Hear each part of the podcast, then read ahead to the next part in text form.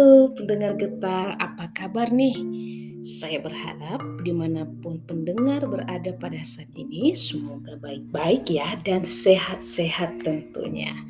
Senang sekali saya Sinta bisa menemani pendengar dalam acara keluarga Kristen. Saya akan menemani pendengar dengan satu topik yang mungkin familiar atau yang biasa kita dengar yaitu jangan mencuri. Pendengar coba bayangkan, ada seorang petani yang sedang menanti buah pisangnya untuk segera matang. Tapi ternyata sebelum pisang itu matang di atas pohon, ada seekor monyet memakan habis semua pisang itu. Bagaimana perasaan si petani ketika melihat pohon pisangnya habis dimakan oleh monyet tersebut? Tentunya dia sangat kecewa, marah, tapi dia tidak bisa melakukan apa-apa karena monyet itu pergi. Kekecewaannya itu bertambah karena pisang yang selama ini diharapkan untuk bisa dibawa pulang ternyata habis dimakan oleh seekor monyet.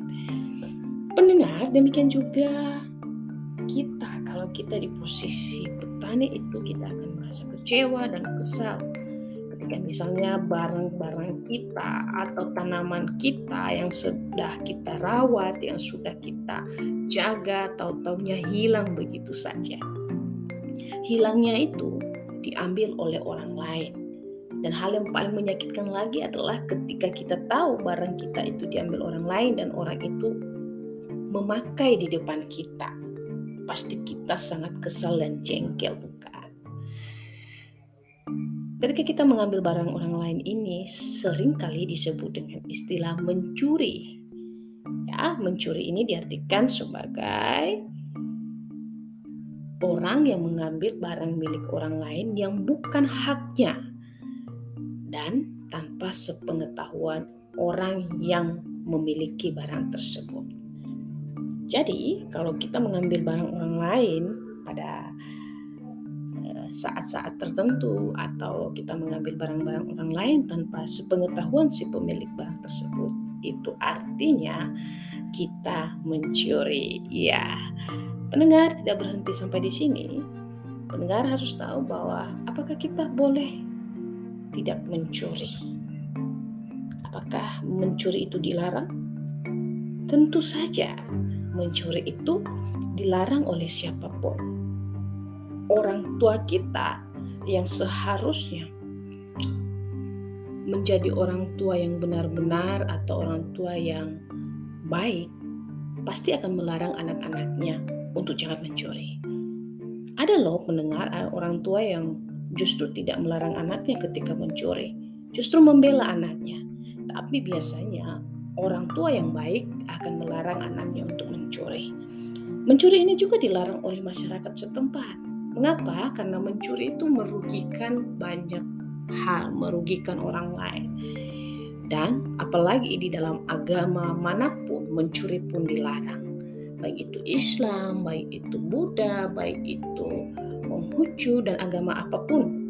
Apalagi di dalam agama Kristen sangat dilarang. Kita tahu bahwa di dalam Alkitab ada 10 hukum dan di situ menyebutkan dengan jelas jangan mencuri.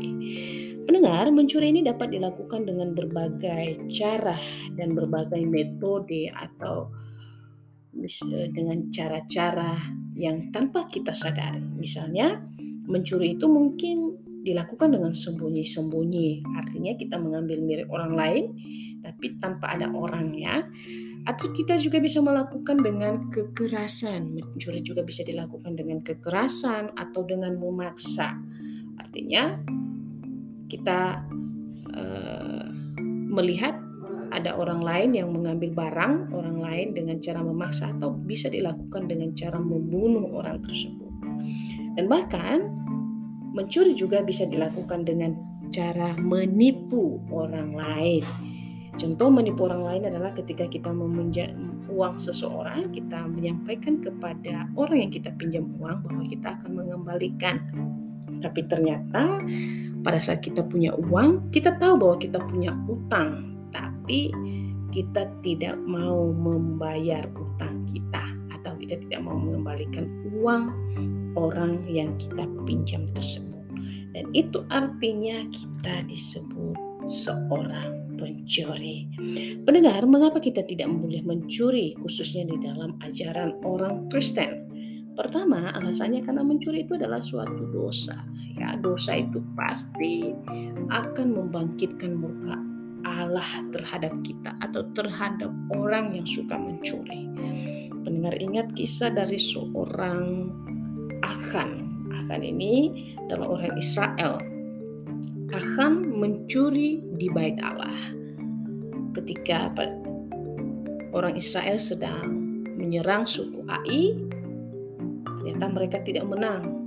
Tapi akhirnya Tuhan memberitahukan kepada Yosua. Yosua ini adalah pemimpin orang Israel pada saat itu. Dan Tuhan memberitahukan bahwa Yosua kamu harus selidiki bahwa di antara kamu ada orang yang sudah melakukan dosa atau ada orang yang sudah mengambil barang yang tanpa sepengetahuanmu. Cari dan selidiki orang itu. Akhirnya Yosua mencari dan menemukan dan ternyata orang yang mengambil barang di bait Allah itu adalah Achan.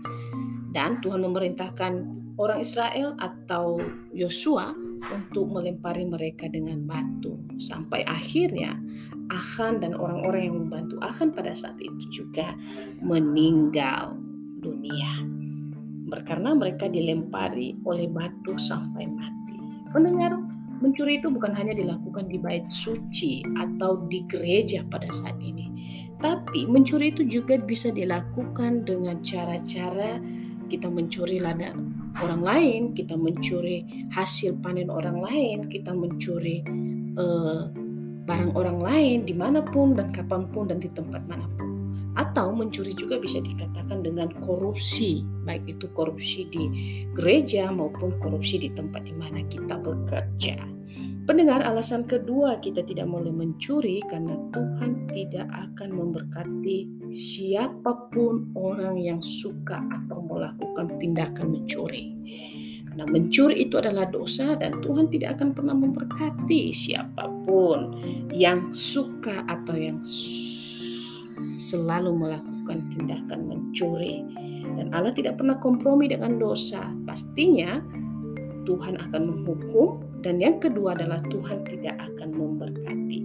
Jadi biarlah kita jaga menjaga diri kita untuk jangan sampai berkat Tuhan itu tertutupi atau tidak sampai kepada kita hanya karena gara-gara mencuri. Pendengar alasan ketiga kita tidak boleh mencuri adalah karena mencuri itu adalah suatu kebiasaan yang buruk yang pada akhirnya akan menghancurkan kita. Teman-teman masih ingat kasus seorang Yudas Iskariot?